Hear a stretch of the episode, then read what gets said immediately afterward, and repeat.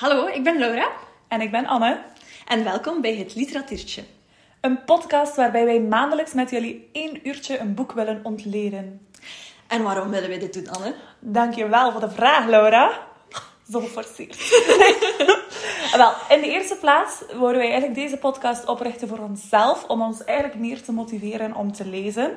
En hopelijk hebben we hierbij de dubbele win en kunnen wij ook andere mensen prikkelen om meer de literatuur in te duiken. Ja, dus wou jij net zoals wij ook graag in een boekenclub gaan, maar hebben jullie nooit de juiste match gevonden? Hopelijk zie je ons wel als juiste match en join je ons elke maand voor fun en heel leuke aanraders. Of afraders, kan ook, natuurlijk.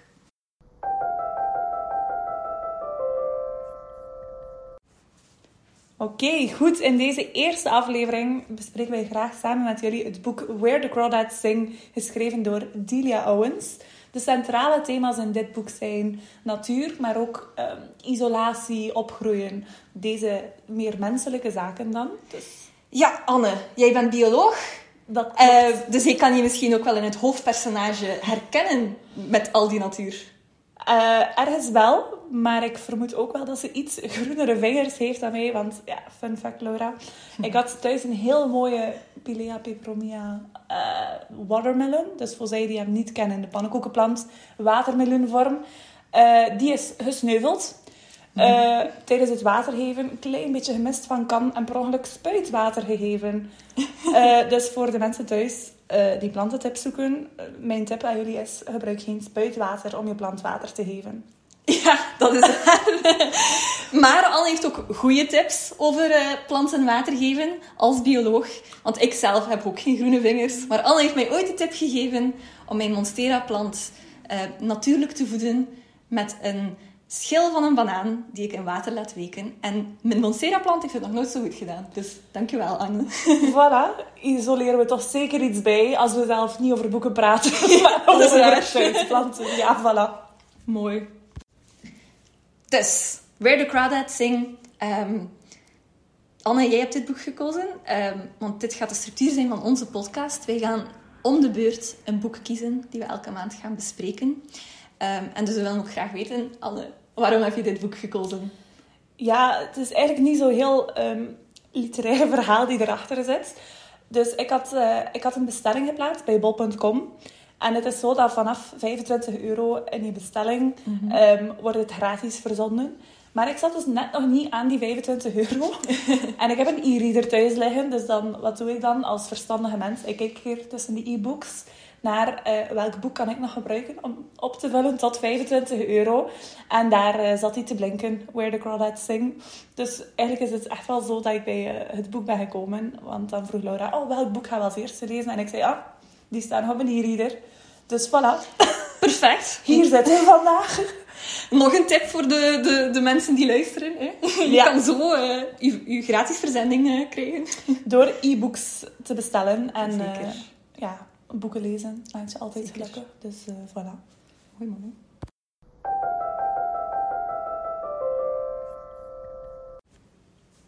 Goed, Anne, sinds jij het boek gekozen hebt, aan jou de eer om het uit te leggen. Ja, fair warning iedereen. Wij gaan heel het boek bespreken, dus ook het einde. Dus wees gewaarschuwd. Spoilers ahead. Anne, Ja. doe maar. Eh, ja, inderdaad, goed van de, de spoiler alert. Eh, ja, dus het, het boek bestaat eigenlijk uit de twee verschillende verhaallijnen. Die dan eigenlijk na verloop van het boek ook samenkomen. Dus in de eerste verhaallijn ligt echt de focus op dus het hoofdpersonage Kia. Eh, Wie is Kia in het begin van het boek? Ze is eigenlijk een meisje, zes jaar. Ehm, en zij woont samen met haar familie in de Marsh. ehm, een soort moerasgebied. Moerassig. We hebben Ja. geen betere vertaling gevonden. We hebben het boek ook in het Engels gelezen, Ja, maar je kan het in het Nederlands ook lezen. Ja, ehm, maar dus zij wonen allemaal samen in de marsh. En ehm, eigenlijk in het begin van het boek al zie je hoe dat één voor één haar familieleden haar verlaten. Dus het is eerst haar moeder die vertrekt uit die extreme armoede waarin dat ze zitten. Dan eigenlijk ook één voor één haar zussen. En dan uiteindelijk ook haar broer, Jody, is eigenlijk ook haar beste vriend. Degene die, die er altijd voor haar was. Zie je eigenlijk ook hoe dat hij haar verlaat. En dat is eigenlijk allemaal voordat ze de leeftijd van, van zeven jaar bereikt. Ja. En ehm, dus dan woont ze eigenlijk nog in dat huis, alleen met haar vader. Ehm, ja, haar, haar vader is eigenlijk geen eh, engeltje, zoals we zouden zeggen. Ehm, het is een ex-militair, uh, heeft ook een alcoholprobleem.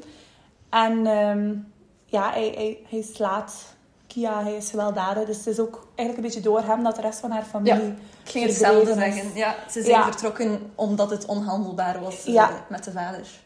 Maar ja, dus, dus Kia zit daar wel nog altijd bij. Allee, het, is, het is niemand die haar heeft meegenomen. En ze is, ze is zes. Ja, ze kan niet echt uh, heel veel zelf doen. Maar dus eigenlijk in, die verhaallijn wordt dan eigenlijk, volg je eigenlijk Kia die opgroeit. Ook in de marge. En zo echt de, de mooie relatie tussen, tussen Kia en haar omgeving. Dus ja, een soort geven en nemen relatie van zij en de Marsh. En eigenlijk ook zij die eigenlijk al op zesjarige leeftijd voor haarzelf moet beginnen zorgen. Want haar vader is relatief nutteloos. Um, en verdwijnt ook. En, ja, die verdwijnt op een bepaald moment. dood? Of, uh, dat, dat, weet ik eigenlijk niet zeker. Ja, ik weet het eigenlijk ook niet meer. Wat, wat dat er eigenlijk gebeurt met haar vader. Ze hebben, zo, ze hebben eigenlijk heel tijd een heel slechte relatie. En dan op een bepaald moment in het boek vinden ze elkaar. Like, hebben ze zo een periode waarin dat eigenlijk echt goed zit tussen de twee. Uh, maar dan verdwijnt hij ook. Dus dan is dat echt een, een jong meisje die er helemaal alleen voor staat. Mm. En dus ze leert dan eigenlijk ook echt van het moeras en van het leven in het moeras, hoe dat ze moet overleven. En, en zo heeft ze bijvoorbeeld, uh, zo verzamelt ze van alles in het moeras. Dus dingen voor haar persoonlijke collectie. Ze verzamelt helpen, vogelveren, uh, ook planten en zo. Ze, ze verzamelt alles dat ze kan vinden in het moeras en begint een soort eigen museum op te bouwen. Uh, maar ze gaat ook bijvoorbeeld mossels en zo gaan, gaan vangen en verzamelen. Mhm. En daarmee gaat ze dan eigenlijk naar Jumpen. Jumpen, oh, Jumpen, schat van een man. Echt een schat van een man, ja. um, dus ze gaat, dan, ze gaat dan met die materialen, dat eten dan, dat ze verzamelt van, van het moeras, naar Jumpen en zijn vrouw Mabel. En um, belangrijk om te zeggen, dus dit boek speelt zich af in, in de VS en... Ja, de jaren 30, 40, ja. 60. Rond verschil tussen 30, 40 en 60. Er zijn twee verhalen.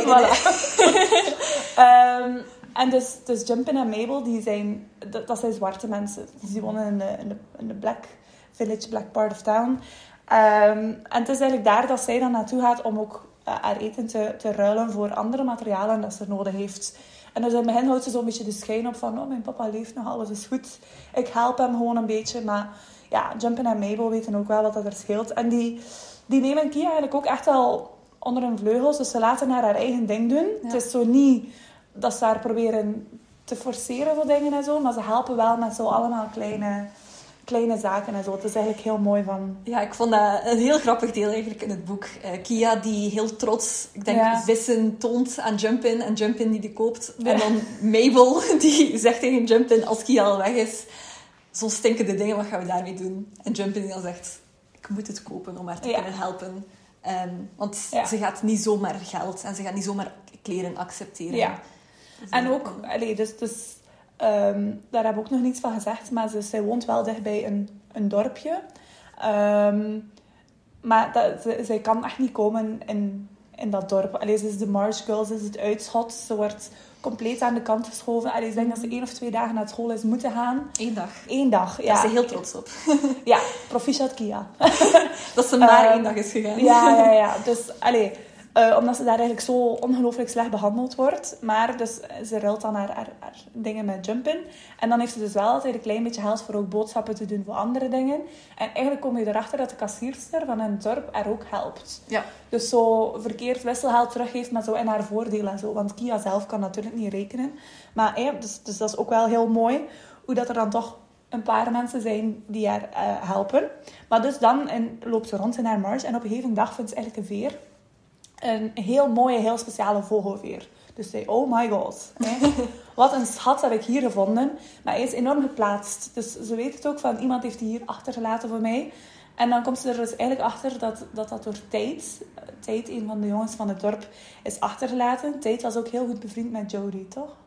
Die twee hadden ook... Uh... Zij waren, Zij waren bevriend. ja. Tate woont ook aan de rand van de marsh, denk ik. Dus een van het moerasgebied. Ja. En um, dus die kennen elkaar. Ja, en dan is het eigenlijk, dan is het eigenlijk ook tijd die haar leert, um, leert schrijven en lezen. En ja. zo toch wat, wat schoolkennis zeg maar, meegeeft. Want ja, Kia zet echt wel geen voet meer in, in school. Ehm, ja, ik denk dat dat zo de, de, de kern is van het eerste deel van de Ja. verhaallijn. Eh, dus dan heb je nog het tweede deel. Die dus, de twee lijnen lopen gelijk, gelijktijdig in het boek. Maar het is wel altijd duidelijk over welke lijn dat gaat aan de hand van de is- jaartallen. Twintig jaar later of zoiets. 20 jaar later, inderdaad. En dat gaat dan eigenlijk over een, een moord die is gebeurd van een, de, de cool kid van, eh, van in het dorp. Chase. Chase is dus vermoord geweest. Ehm, heel dichtbij, of zelf in de swamp, eh, in de Ja. marsh. Ehm, en dus eigenlijk is, is er dan een detectieve die ook het voortouw neemt in het oplossen van die moord en zo. En het wordt al veel, heel snel duidelijk in die verhaallijn dat de verdenking meteen naar, naar Kia gaat. Dus Mhm, heel stereotyp, ja, dat beest die daar in de, in de wildernis woont, het zal al de dier schuld zijn. Kan, Kan niet niet anders. anders, ja. Ja. Mooi, James. Ja. Ehm, en dus ja, dat, dat hele tweede deel gaat dan ook eh, over dus die moord. En dan op een gegeven moment... Ja, want in het begin ben je als lezer niet mee met... Oké, waarom, waarom denk je dat Kia is? Maar dan kom je er dus eigenlijk geleidelijk aan in het boek ook achter... Dat ehm de State is op een gegeven moment vertrokken voor te gaan studeren. En dan ehm, is Kia eigenlijk dichter bij Chase ook gegroeid. En hebben ze een relatie, een heel ongezonde relatie, maar toch een relatie. Ja, ja, het begint Ehm, ook, de relatie ja. begint bij Chase, die dat eigenlijk eerder als een Ja, weddenschap met zijn vrienden eh, Ja, ja. met Kia gaat praten. Dus om al iets Ja. te zeggen over de relatie. ja we waren volledig team Tate en niet team Chase. om het in. Twilight-termen uit te Ja, leggen. ja, ja. maar kijk. ehm, ja, dus, dus je hoort dat wel van, hey, ze hebben die relatie gehad. Ze zijn dan eigenlijk uit elkaar gegaan. Nadat Kia erachter is gekomen dat hij met iemand anders verloofd was. Het was, het was eigenlijk relatief smerig allemaal. Eh, Ja. Smerige jongen Chase, niemand zal hem missen. Eh, maar ehm, ja, dus, dus het gaat er dan echt over van... Oké, Kia wordt verdacht. En nu? Want ja, het, het, is ook een, het is een systeem waarin dat de doodstraf bijvoorbeeld ook nog van... Ja. toepassing was. Dus als ze schuldig zou zijn bevonden, ja, dan werd ze letterlijk vermoord. Ehm, en ja, je, je leest dan eigenlijk het boek en je bent mee in allebei die verhalen. En eigenlijk, ja, lees je ook Heel dat proces. een, een detectieve Ja. die wil dat Kia schuldig is, die echt alles op haar probeert te steken. Maar we gaan daar nog niet, we komen daar straks Ja. op terug, dus ik zal daar nog niet te veel over vertellen. Ehm, maar ja, dat zijn wel eigenlijk de main points van het boek. Hè. Ja, en om dan misschien het boek af te ronden. Ja. Er is dus een proces. Ze wordt daar niet schuldig verklaard. De spoiler! Spoiler! Ja. Maar op het einde, om een nog een grotere spoiler te Wow. geven... Wah! Ze is wel schuldig. Ja, Wat wij allebei geen geweldig einde vinden, maar we gaan daar straks ook op Ja, terugkomen. maar ze eindigt wel met tijd, waar we wel gelukkig mee zijn. Dat is waar. maar eh, dat is zo'n beetje het boek eh, in het kort. In het kort, ja. En eh, we zullen dan overgaan naar wat we ervan vonden en de thema's die we opgemerkt hebben in het boek. Ja, maar misschien nog een kort woordje uit over de auteur O- ook. over de auteur. Want heel interessante parallellen, hè Laura? Je hebt dat als directieve allemaal... Ja, ik, ben ook, ik heb ook Ja, een ja. beetje detectieve gespeeld. Dus de auteur Delia Owens is ehm, eigenlijk heel veel parallellen met Kia. Ja. Ehm, ze is zelf ook opgegroeid in de wildernis van Georgia. Ehm, en Niet Carolina. Kia is niet Carolina. ja, niet ja. Carolina. Zo goed ken ik Amerika niet. Ja, ja, maar... Ehm, en ze is dan zooloog geworden. dus eh, ze is met beesten bezig. Ehm, dat is een vertakking van de biologie. Dan moet je meer aan Anne vragen. Met, met beesten bezig, ja, oké. En dan verhuisd met haar man naar Afrika, waar ze dan ook over het, het, het wilde leven van Afrika heeft eh, geschreven en gepubliceerd. Eh, een heel interessant deel aan die Lydia Owens is haar controverse. Ehm, er zijn geruchten, er is niets bewezen, maar dat zij dus een shoot-to-kill policy had toen ze in Afrika woonde. Dus op, eh, dat als mensen stropers zagen, dat die mochten neergeschoten worden om de dieren te beschermen. Maar ja, het is een heel eh, controversiële policy. Ja. En het zou dus zo zijn dat haar eh, stiefzoon, eh, dus zo'n stroper, heeft eh, doodgeschoten. En dat Delia Owens daar ook van wist. En misschien zelfs hem er heeft tot aangezet om zo te doen. Wat zou dan- zo zijn, hè. Er is niets... daar, is, daar weten wij niks van. Ehm, maar ehm, er, er zijn dus, eh, als het boek Where the Crawdads Sing eh, was gepubliceerd, zijn er dan al die geruchten gekomen Wild, ja. dat Delia Owens eh, zichzelf eigenlijk een beetje in Kia heeft geschreven. En dus op het einde is Kia schuldig. Dus dat zou wel moeten betekenen dat Delia ook schuldig is. Ja, Ehm, maar wij gaan daar voor de rest geen uitspraken Nee. over maken. maar toch eh, interessant weet je wel om, Een heel om toe interessant te voegen. Oké, dan nu voor de bespreking van het boek. We gaan een beetje werken in thema's. Eh, we hebben daarvoor drie grote thema's nu uitgekozen, waarvan het eerste waarschijnlijk het grootste is, zoals we daar straks ook gezien hebben. Eh, de natuur, de wildernis, Ja. eh, de dierenwereld. Ehm, je ziet dat vooral in het boek, in de verhaallijn. Je ziet Kia hey, heeft die relatie met dat moerasgebied, die marsh. Ehm, ze ziet die een beetje als haar nieuwe familie, als haar Mhm. andere familie haar verlaten heeft. Ja. Ehm, je ziet haar, zichzelf ook vergelijken, dat ze zichzelf heel vaak vergelijkt met de dierenwereld die eh, leeft in de marsh. Hey, ze beschrijft zichzelf, ehm, haar acties, de acties van anderen op een manier dat, de- dat dieren hun acties nemen. Ik heb dan zo één passage in het boek eh, waar dat ze met Jodie nog aan het praten is over Mhm. hun moeder die een verlaten heeft. En eh, Kia, eh, eh, Jodie zegt tegen Kia, ook moeders in de dierenwereld verlaten hun kinderen niet. Waarop Kia dan zegt, ja, maar wij hebben nu onlangs een vosje gezien die Ja. haar kinderen wel heeft verlaten. Dus moeders verlaten wel eh, beesten. Waar dan Ja. Jodie op zegt, ja, maar die moeder was zwaar gewond en ze moest dus eerst voor haarzelf zorgen. Ehm, en als ze dan weer helemaal gezond was, kon ze terug naar haar kinderen om voor haar kinderen te zorgen. Mhm. Wat dat eigenlijk bijna exact hetzelfde is wat dat er gebeurt met haar moeder, die haar kinderen verlaat. En we ondervinden ook later in het verhaal dat dat is omdat ze... Omdat ze, ze kon het niet meer aan en ze Ja. moest eerst voor haarzelf kunnen zorgen. En ze had altijd de intentie om terug te gaan naar haar kinderen. Maar ze is dan zo mentaal verzwakt geweest dat ze gewoon vergeten is dat haar kinderen bestaan. Ja. Wat dat dan een spijtig einde is. Maar die intentie is, was er nooit om haar kinderen volledig Ja. te verlaten. Ja, ik vind, dat, dat vind ik inderdaad zo heel straf. Iets ook, ja, ten eerste al dat je zo het verschil ziet in, in het vergeven hè, dat Jodie doet. Want of de mhm. vos mag dat, maar mijn moeder mag dat niet. Ja, ja, ja. Ehm, en ik vind dat dat zo iets frappant is dat wij ook zo hebben als mensen. Van, we weten zowel theoretisch gezien dat we zoals dieren zijn, maar we staan er toch ook ergens wel wat Ja, we staan er wat boven, hè. En, De eh, dieren zijn ja. toch altijd minder dan ons. En zij zijn nog altijd de wilden. En En ik vind dat zo'n heel leuke manier van, van... Dat vond ik heel leuk in het lezen, dat je zo in Kia's blik dan... Allez, via haar blik kijkt.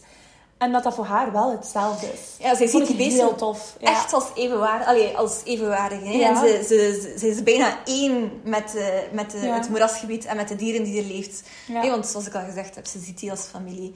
Maar dan ook aan de andere kant, zoals ze zeggen, de, het is zo'n beetje... De mensen zien dieren als toch een soort van onder hun.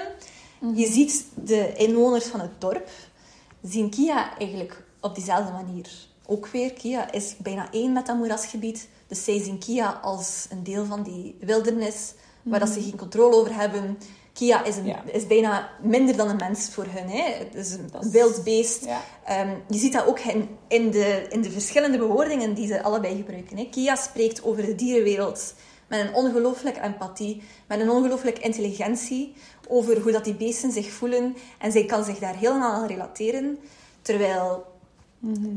mensen spreken over Kia en over het moerasgebied, eh, de, de, de inwoners van het dorp. En alle andere mensen die niet in dat moerasgebied zitten, spreken daarover als een wildernis die uitgeroeid Ja. moet worden eigenlijk en die onderdrukt moet worden. Ja. En Kia eh, eh, gedraagt zich niet zoals ze verwachten dat een vrouw van haar leeftijd zich gedraagt. Dus ja, ja, ja. ehm, dat is zo'n beetje ja. in het verhaal hoe dat de natuur ehm, wordt ja, gerepresenteerd. Die, twee verschillende manieren van, van kijken inderdaad naar, naar de natuur. Ja, je ziet Chase ook, ehm, ziet Kia als iets wat hij kan overwinnen. Hè, zoals ik daar straks Ja, ook zei. Dat is voor hem een, ja. iets om te temmen.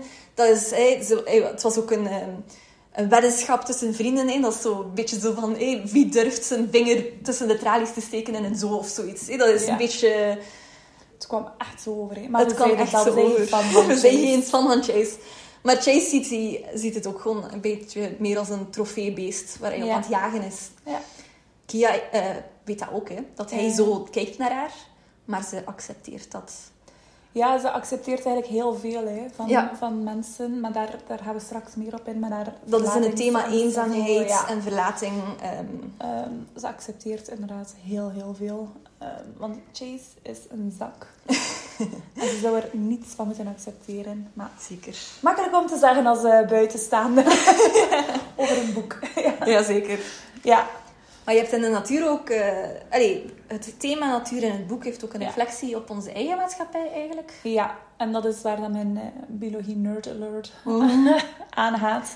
Maar heel Ehm, interessant. Ik had er zelf nog niet aan gedacht, maar je hebt helemaal gelijk, zeg maar. Ja, het is... Het is ehm, eh, dus eigenlijk in, in de maatschappij waar we nu, dus de dag van vandaag in zitten, zien we dus nog altijd de natuur als, als minderwaardig. Als, oké, het is wel mooi om naar te kijken. En ik heb wel graag een boompje in mijn tuin. Maar ik zou het toch liefst allemaal zo goed mogelijk controleren. En ik wil er, ik wil er eh, de baas over kunnen zijn. Mhm. De natuur is hier voor ons. Die moet niet haar eigen ding gaan doen.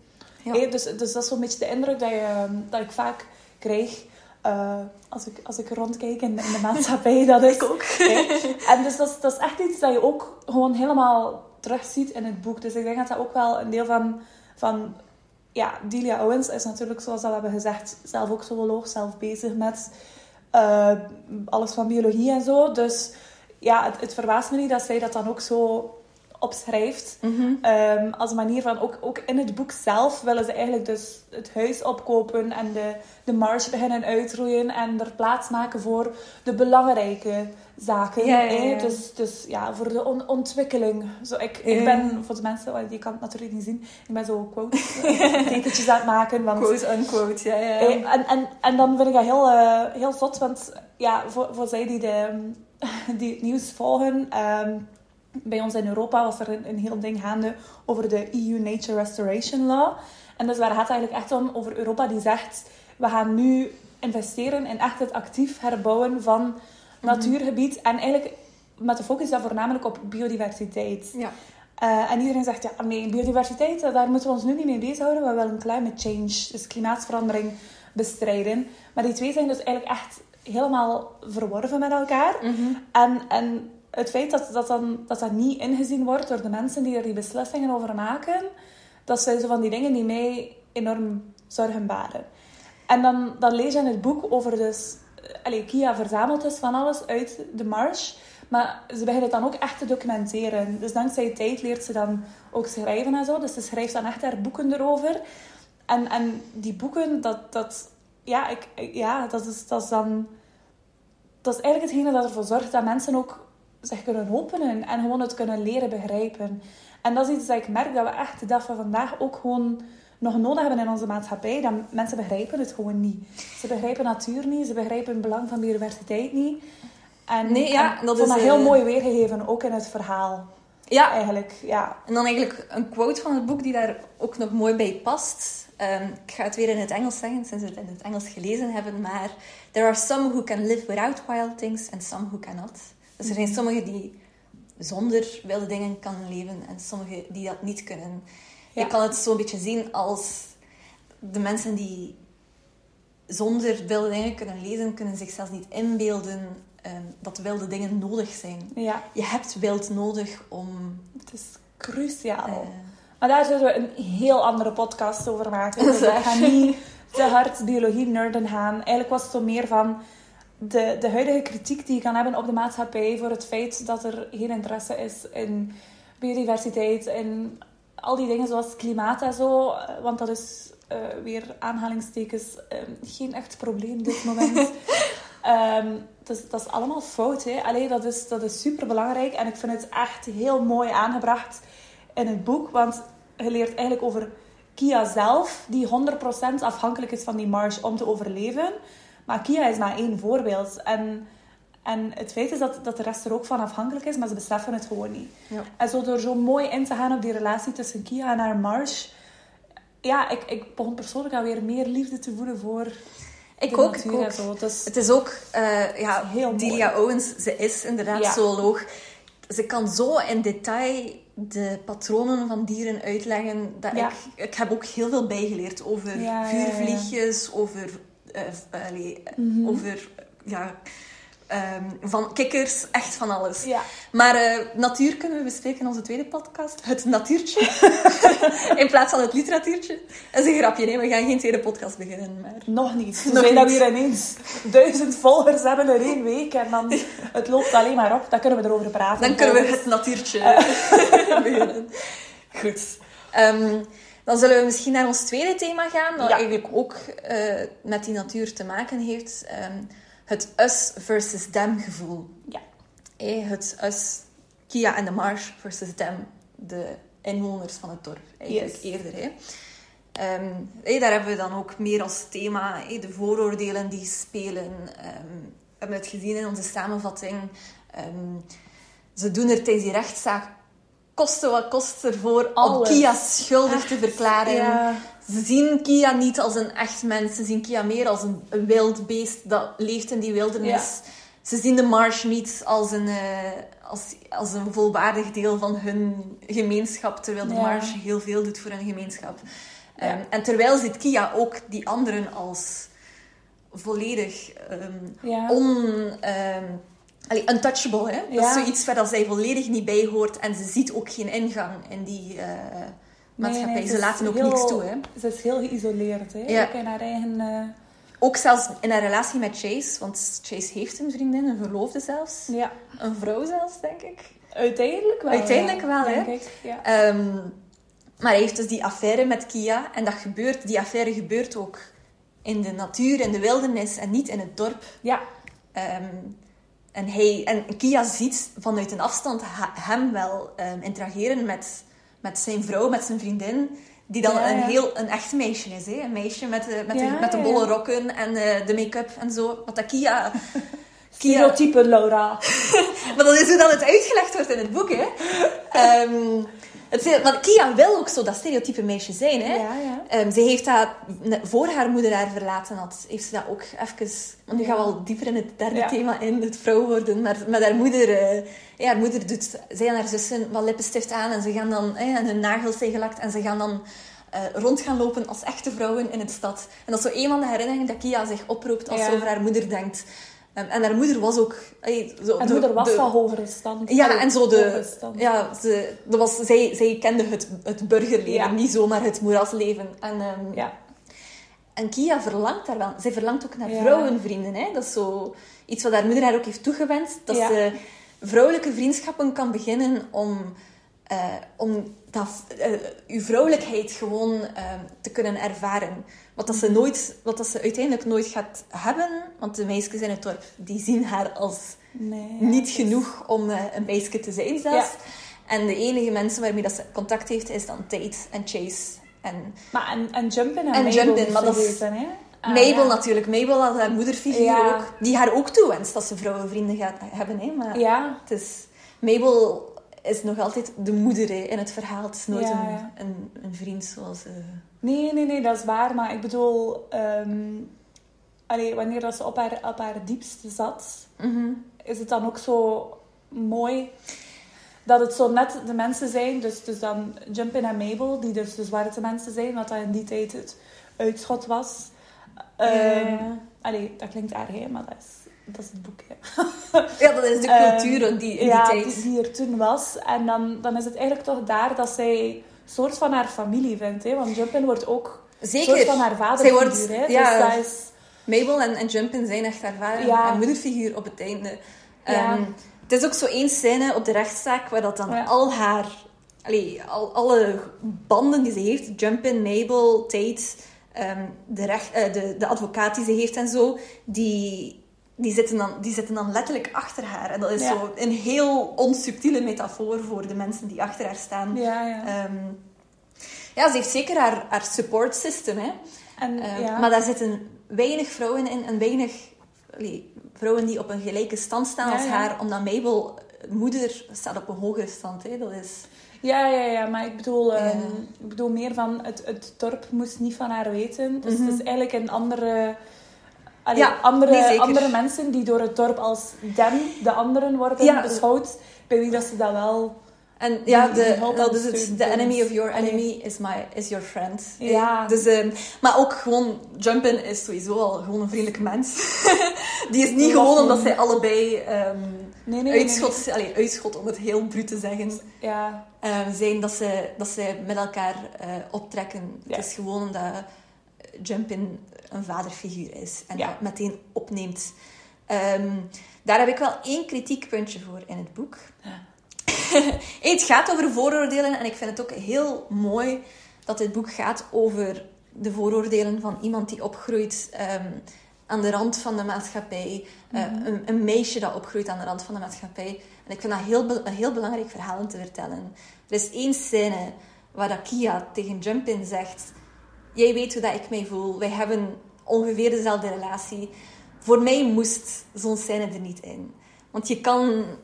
eh, wat Kia meemaakt, wat dat in die tijd en nu eh, ook nog altijd heel moeilijk is, je kan dat niet vergelijken met de, het, ras, het racisme, de racisme-kwestie.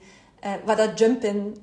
allee, waarschijnlijk- ja, ja. wat dat Jumpin meemaakt is iets helemaal anders dan wat dat Kia meemaakt. En ze hebben raakvlakken. Maar ik vind dat, ze, dat Delia Owens daar een klein beetje te Kort scherp, door de bocht kort door de bocht is gegaan. Ja. ja. Nee, nee, dat is waar. Maar het, is, eh, het blijft een heel mooi verhaal eh, die wijst op je vooroordelen. Hè? Ja, Ehm, dat is inderdaad dat is een heel centrale lijn. Hè? Want om, om nog een keer het personage van, van de, de detectieve ook boven te halen. eh, dat is dus ook iemand van, van het dorp. En dus Kia is het beest. En hij doet er ook alles aan om te bewijzen dat het niet een van zijn groep is. Niet een van zijn dorpelingen die de moord op Chase heeft eh, gepleegd. Maar eerder dat uitschot daar. ja, Allee, echt. dat is eigen volk eh, zeg maar, beschermen. En dan een andere smijtje voor de bus. Hè, ja. Ja, echt. Dat was misschien heel Alle- West-Vlaams, alle- sorry. alle losse draadjes dat hij vindt, wil Ja. hem zoveel mogelijk aan elkaar knopen om er maar te, aan- maar te kunnen bewijzen dat Kia de dader is. En als je zijn hele relaas leest over hoe het theoretisch zou gebeurd zijn... Het klinkt- als een zot. Hè? Ja, een complottheorist die eh, Ja. echt te veel detectives heeft bekeken. ja. Dat is ook iets wat, dat ze, wat dat de, dat de rechter op een bepaald Ja. moment zegt. Van, eh, Ja, ja, je, Zit, je zit niet op een detective show. Hè. Nee. Ehm, wat dat zo is. Hij, hij waant zich een beetje in een detective-roman. En dus het is dan ook door, dat, door de hele lijn van Us versus Them in het boek, dat wij eigenlijk allebei op het einde dan zo ongelooflijk teleurgesteld waren. Toen het dan uitkwam van Ja. Kia heeft toch de moord gepleegd. Ja, dat verpestte heel het, Het verhaal. Was eraan, hè. Ik, eh, als, je het, als je het zelf leest, lees gewoon het laatste hoofdstuk niet.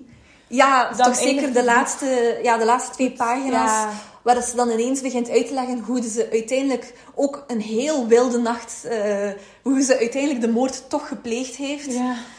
En het, het komt zelf over als een complottheorie. En het is zo spijtig. Het is heel spijtig. Het Want- had een mysterie moeten blijven. En dat zij onschuldig is... eh, Dat, dat, dat- is echt zo kunnen eindigen. En dan, dat, ik vind dat ook altijd ergens wel leuk als je zoals lezer zelf je vrijheid hebt voor iets in te vullen, ten eerste. Mhm, En ook gewoon, ja, je, je maakt dan eigenlijk zo'n verhaal over, over vooroordelen, et cetera. eh, weg met vooroordelen, want omdat je zo als, als lezer het meeste een band opbouwt met de personages als Kia, als Jumpin, als Tate, die eigenlijk iemand is die sympathie heeft voor, voor mensen die niet eh, allee, in het dorp zitten, dus voor Kia en zo. mhm. Je leert dan eigenlijk met al die personages die interessant zijn en die zoveel mogelijk tegen de vooroordelen in willen gaan. Je leert die kennen en dan is het op het einde toch zo goedkoop einde als kijk, vooroordeel is uitgekomen. Het is het beest die de moord heeft gepleegd. Ja, ja. Dan denk je echt van ja, dit, dit hoefde niet. Dat was Ja. echt niet nodig. Het was echt niet nodig. Nee, dat, dat op een andere... Allee, met het open te laten... Dat het Ze hadden het open moeten laten, ja. Dat beter eindigt. Dus ja, kijk. Puntje kritiek aan Delia Owens. We gaan haar een kopietje sturen van eh, deze aflevering. Dat is misschien een tweede versie. Dat is de... Voor een andere einde. Ja, er zijn zo twee plot twisten hè, op het einde. Je Ja. hebt de, de plot twist die we nu eens besproken hebben en nog één andere. Eh, doorheen het eh, hele boek ehm quoteert, citeert eh, Kia een, eh, een dichter, een dichteres, Amanda Hamilton. En, Maar nu eh, zitten we al aan het derde bespreekpuntje. hè? we zitten aan het derde bespreekpuntje. Ja. Maar dat is een beetje een transitie die ik... Ja, ja. Amanda Hamilton. en nee, de, de plot twist op het einde is dat Kia Amanda Hamilton is. En voor Ja. mij was dat een plot twist dat ik dacht van, oh wauw. Ik heb, Ja. Het heeft mij even geduurd om er een, een goede een betekenis aan te geven, maar het was een plot twist die goed gewerkt heeft. Ja. En daar moest het eindigen. Ja. maar om dus verder te gaan op die Amanda Hamilton dan... ehm, wat ik uiteindelijk dan gezien heb, eh, is ze citeert Amanda Hamilton constant. Het gaat dan altijd over, er gebeurt een situatie met Kia en ze zegt, oh, dat doet mij denken aan een van mijn favoriete gedichten van Amanda Hamilton. En dan komt er een gedicht. En dat zijn vaak gedichten die over de natuur gaan, over het gedrag van dieren. En je ziet van, ah, daarom is Amanda Hamilton haar favoriete dichter. Maar, dus zoals we weten aan het einde, zij is Amanda Hamilton. Ehm, maar niemand heeft dat ooit geweten. En ze, ze zenden haar gedichten naar de, local, eh, de lokale eh, de Krant, ja. En ehm, dat was allemaal... Dat was zo... ehm, en het is grappig dat ze in het boek ook altijd, zelfs in haar eigen gedachten zegt, dit doet me denken aan dit, dit, dit van Ja. Amanda Hamilton. Dat is iemand die buiten mij staat. Ik, als, ik zie dat als een... Ik heb het geïnterpreteerd als een Ja. manier dat zij een vrouwelijk rolmodel wil hebben. ja. Eh, dus, Laura heeft taal en letterkunde gestudeerd, dus ze heeft zo veel beter die insights eh, dan... Ja. Maar Oh, ja. ze, ze, heeft, eh, ze heeft dat vrouwelijk eh, rolmodel nodig dat ze niet had Ja. in haar ouders, dus ze niet hadden dan haar moeder, want die zijn veel te jong vertrokken. Ja. Ehm, en Amanda Hamilton, eh, het is Kia, maar het is ook een, het is een Kia die, die kan schrijven en die intelligent overkomt, Ja, het is een... maar die. Die ook een connectie heeft met de natuur. En ehm, ja. ik denk dat dat haar helpt om, haar, eh, om gewoon haar gedachten op een rijtje te kunnen zetten. ja. Eh, je ziet doorheen heel het verhaal dat ze heel veel belang hecht aan eh, dat, dat, dat, eh, haar vrouwelijkheid ook niet zomaar verliezen. Want dat ze eigenlijk op bepaald- ze moet dat achterlaten, want ze moet overleven. Mhm. En dan ben je niet bezig met lippenstift en ben je niet bezig met mooi zijn, eh, omdat je bezig bent met er moet eten op tafel staan. Ja. Eh, er moet gas in mijn boot zitten, zodat ik kan ehm, weggaan, Varen, ja. ja. varen. Ehm, Ja. maar je ziet haar opgroeien doorheen het verhaal. Hè. We beginnen bij dat ze zes jaar oud is. We eindigen bij dat ze een stuk in de twintig is. Ja. Ehm, en als vrouw opgroeien, er komen dingen. Ze heeft haar eerste regels en ze weet Ja. niet wat het is. En het is tijd die haar moet uitleggen wat dat haar regels zijn. Tijd die op dat moment zelf nog een... Ja, een die zelf is, hè? is zelf niet zoveel ouder dan Kia. Ja. Ehm, en een man gaat dat nooit, allee, ze, nooit zo goed kunnen uitleggen als Maar een moeder het zou kunnen zeker uitleggen. in Of je die ouders, tijd, zeker niet in die tijd. Ja. En je ziet haar ook, je ziet haar de, de meisjes van het dorp bekijken en je voelt dat ze... Ja, je voelt dat ze erbij wil horen. Hè. Ze, Mhm. ze, ja, en, en ze vertelt dat dan ook in, haar, in de flashbacks, allee, in, de, in de verhalen, als ze dat vertelt over haar moeder, is echt over haar moeder die er altijd zo verzorgd uitzag en met de mooie kleedjes. En Ja, ja. dat is zo echt iets waaraan dat ze, dat ze waarde hecht. Maar ze heeft dat ook zo... Ze heeft dat inderdaad nooit gehad, hè. Nee, Dus... En ja, dat is ook zo. Het gaat dus over dat opgroeien. En ehm, ze moet dat helemaal op zichzelf doen. En ze heeft zo. Ze, ze heeft dat ideaalbeeld van hoe het is om volwassen te zijn. En je ziet, ze is nog maar een kind. Maar ze vindt van zichzelf dat ze zich al heel volwassen gedraagt. Hè. Als ze Ja. dan naar de top gaat die kassierster eh, is bezig met eh, geld uit te tellen voor haar. Mhm. En haar eigenlijk te helpen. Op dat moment denkt Kia zelf van haar van... Wauw, ik heb het goed kunnen verkopen. Ik he- ze, Ja, ze denkt dat ik, dat waar, ik eh, zelfstandig ben. Ze denkt dat mijn vader nog leeft en dat hij mij gewoon heeft zo eh, Mhm. doorgestuurd. En ze denkt dat ik weet hoe dat is om dingen te kopen. Terwijl dat die vrouw natuurlijk al meteen heeft, doorheeft Ja. dat dit een meisje is die op haar zichzelf is en die voor zichzelf moet zorgen. Ja. Ehm, Ja, dat klopt. En, en ja, ze, ze gebruikt dan ook zo... Eigenlijk zelf als ze al volwassener is, zo nog altijd van die kinderlijke ja, ik heb zo... beschrijvingen. Dus, Ja, ik heb, want ze is zeker niet naïef, hè. Maar ze is wel... Ik heb dat ook opgemerkt. Zij gebruikt heel vaak kinderrijmpjes. Ja, Om zo iets uit te leggen. En dat, is, dat toont haar kinderlijkheid. Ehm, ja. Wat dat, ja... Dat is wat dat er gebeurt, denk ik, ook als je eenzaam opgroeit. Ehm, Ik weet het niet, ik heb nog nooit... eh, ik, heb dat, ik ken dat ook niet, maar ik denk... hey, Nee, je ja. houdt je vast aan de momenten waarop dat je... hey, dan- Ja. Je probeert je vast te houden aan momenten waar je het gevoel had dat je ook nog in een stabiele situatie zat. Om dan, Maar en ook gewoon de momenten waarin je het gevoel had dat er nog andere mensen waren. Hè? Want ja, en mensen die voor jou zorgen. is ze wel alleen hè, dan. Want nu Ja. moet ze voor zichzelf zorgen. Maar dat is ook Ja. het is een heel belangrijk thema. Die verlating, die eenzaamheid. Ja. Ehm, en je ziet dat dat haar karakter ook ehm, beïnvloedt. Hè. We hebben het gehad over haar vader die dan eigenlijk haar mishandelt. ehm, maar die dan één moment heeft waar dat ze een zeer goede band hebben. En Kia apprecieert dat heel hard. Hè. Mhm. Dat ze die band hebben en ze denkt dan... Ah, misschien zou ik toch kunnen leven met mijn vader. Maar hij gaat dan toch uiteindelijk weg. En je ziet dat dan opnieuw gebeuren met Chase. Mhm. Ehm, die, waar dat, eh, ze hebben dan zo'n scène waar dat ze samen picknicken en Chase wil meer van Kia. Maar Kia zegt nee, dat wil ik niet. En hij, hij, hij neemt dan ook een stap terug. En dan Ja. zegt Kia, en zo toont ze dat ze niet naïef is, maar ze zegt, hij wil het wel, maar hij respecteert mij genoeg om het nu niet te doen. Uiteindelijk gaat hem wel de grens eh, overstappen, omdat hij vindt dat hij lang genoeg heeft gewacht. Maar op dat moment neemt zij die ene vriendelijkheid Ja. eigenlijk van hem en ziet ze dat als... Allee, ze, denkt dan, ze zegt dan ook tegen zichzelf, misschien moet ik hem een tweede kans geven. Ja. Ehm, want hij kan het toch. Maar dat is, als je zo opgroeit met heel weinig liefde eigenlijk, denk ik, ik ben zelf gelukkig opgegroeid met heel veel liefde, maar eh, ik denk dat het dan eh, heel makkelijk is om het kleinste, het kleinste beetje liefde Ja. dat je krijgt te nemen als, ehm, ja, Ja. als iets goed. Zelfs als je realiseert dat dat niet gaat blijven duren. ja. Ehm, ze, zoekt, ze zoekt contact. Overal eigenlijk, constant. ja. Hè? Maar en dat was eigenlijk ook hetzelfde met, met Tate. Hè? Want dus, Tate is op een gegeven moment vertrokken voor te gaan studeren. En hij had gezegd, ah ja, de 4th of July, dus op 4 juli, ik zal, ik zal terugkomen. En we zien elkaar opnieuw. En Tate is nooit... Hij is niet teruggekomen. Heel lang niet, pas...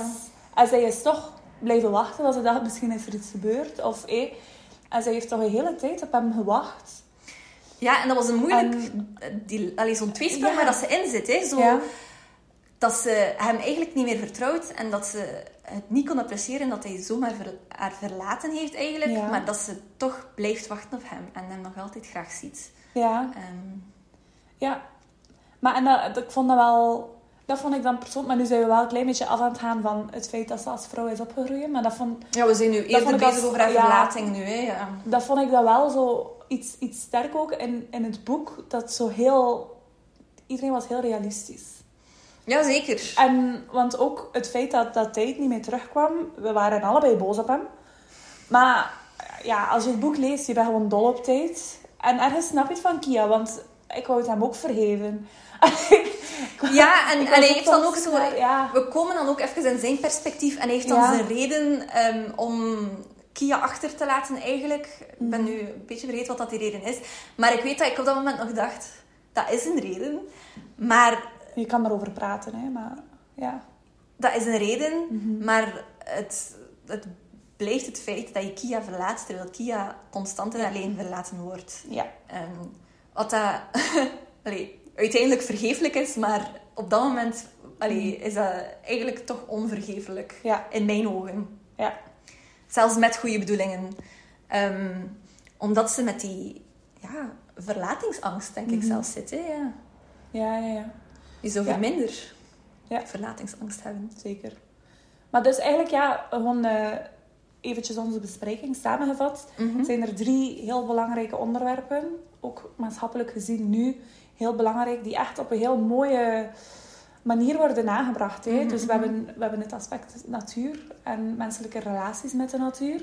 We hebben het ehm, aspect van ja, Het eh, us versus them. het us versus them, dus de vooroordelen, de, die situatie allemaal. Ehm, en dan als laatste ook gewoon ja, het, toch het feministische aspect, het, het vrouw worden. Het, Ja. ook, wat wil het zeggen om eigenlijk vrouw te zijn? Want voor, Mhm. voor Kia, om vrouw te zijn, is het belangrijk dat ze haar haar kan... Allee, de make-up en haar is zo de dingen dat zij linkt aan vrouw zijn. Maar het is niet dat ze zeg maar, minder vrouw is omdat ze dat niet doet. Maar voor haar is dat Dat is, en, en dat is ook zijn. Ja. het mooie dat Kia een complexe, realistische vrouw is. Hè? Ja. Ze wil al die heel vrouwelijke dingen, Ja. maar terwijl is zij ook intens geïnteresseerd in haar collectie, Ja. haar dierencollectie, intens geïnteresseerd in die biologie.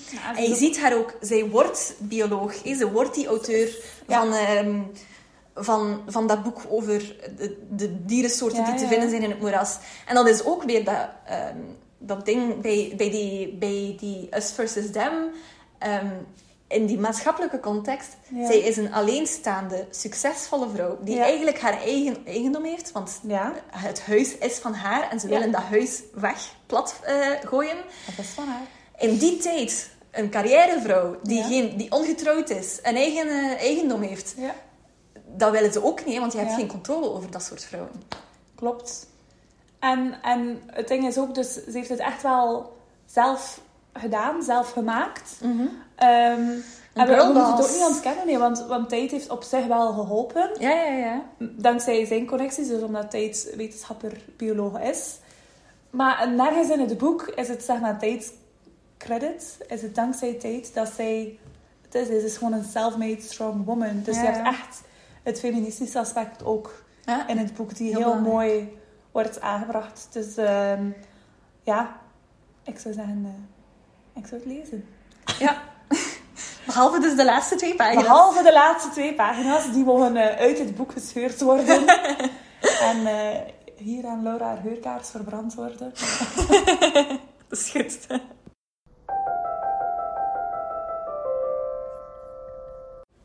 Goed, dus dat was eh Where the Crawdads Sing.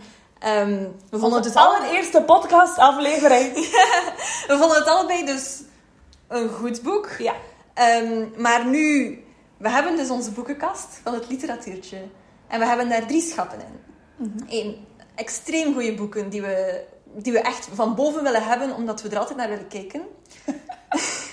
het middenschap van goede boeken die eh, oké zijn.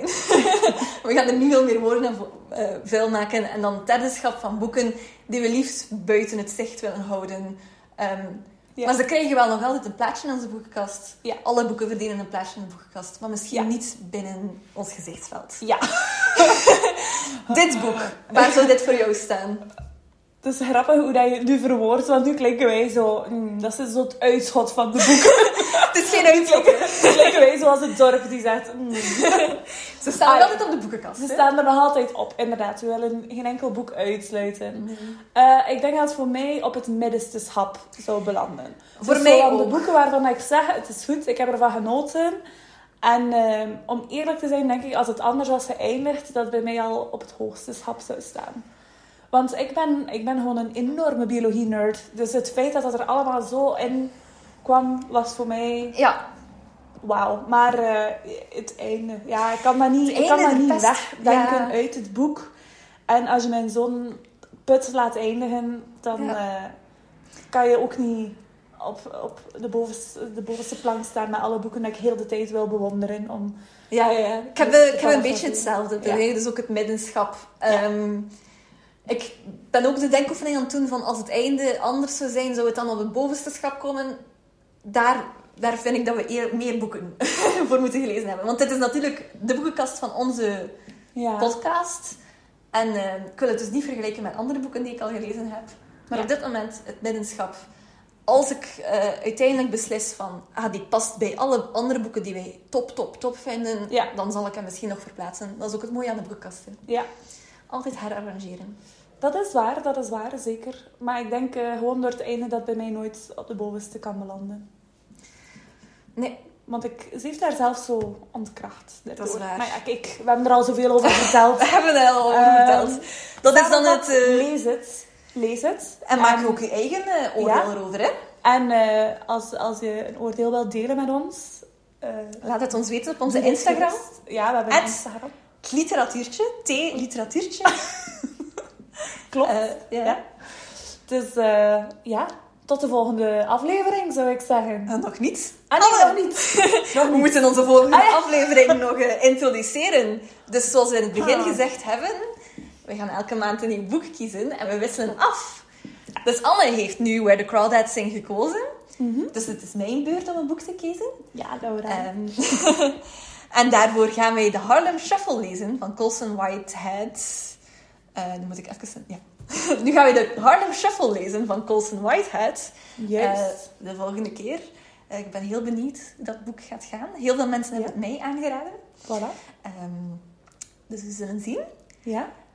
En als je dus de volgende aflevering geen spoilers wilt, kan je het boek al met ons meelezen op voorhand. Ehm, als je zegt, ik vind het leuk om de spoilers te horen, ehm ik dat ook gewoon niet doen. Ah ja. Dan mag jij bepalen. Jouw Ik kan ook doen alsof dat dit een audioboek is. En je hebt het boek gelezen. Of eh, als je zo een van die studenten bent die eigenlijk gewoon een boekbespreking moet maken. en denkt, yes, ik moet het boek zelf niet meer lezen of bespreken. Graag Willen we dat promoten? nee, dat, eh, je mag dus zelf invullen hoe dat je het doet. Het is, eh, als je het boek samen met ons leest, laat ons ook zeker weten wat je ervan denkt. Ja. En misschien zullen wij daar dan... Hoe eh, cool zou dat zijn als we op een gegeven moment zo de rubriek lezersbrief Ja? kunnen toekomen? Zou kunnen. Maar dan moeten we dus eh, Ja. genoeg rubriek lezersbrieven Dus- krijgen. Hè? Tell your friends. Tell your friends. en eh, tot volgende maand. Tot dezelfde volgende plaats, dezelfde tijd. Misschien? Ja, Ja, klopt. Klopt. Alright. Doei! Doei!